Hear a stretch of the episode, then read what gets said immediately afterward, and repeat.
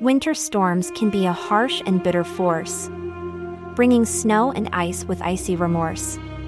But Americans and Canadians stand strong, despite the power outages that last so long. The winds may howl and the temperatures drop, but we won't let the coldness make us flop. We'll huddle by the fire and wrap up tight, and hope that morning brings a brighter light. For we are a people who never give up. We'll weather this storm and rise above. We'll lend a hand to our neighbors in need. And together we'll weather this winter's greed. So let the storm rage on and bring its worst. We'll face it head on with all that we're worth. For we are the brave and the strong, Americans and Canadians all lifelong.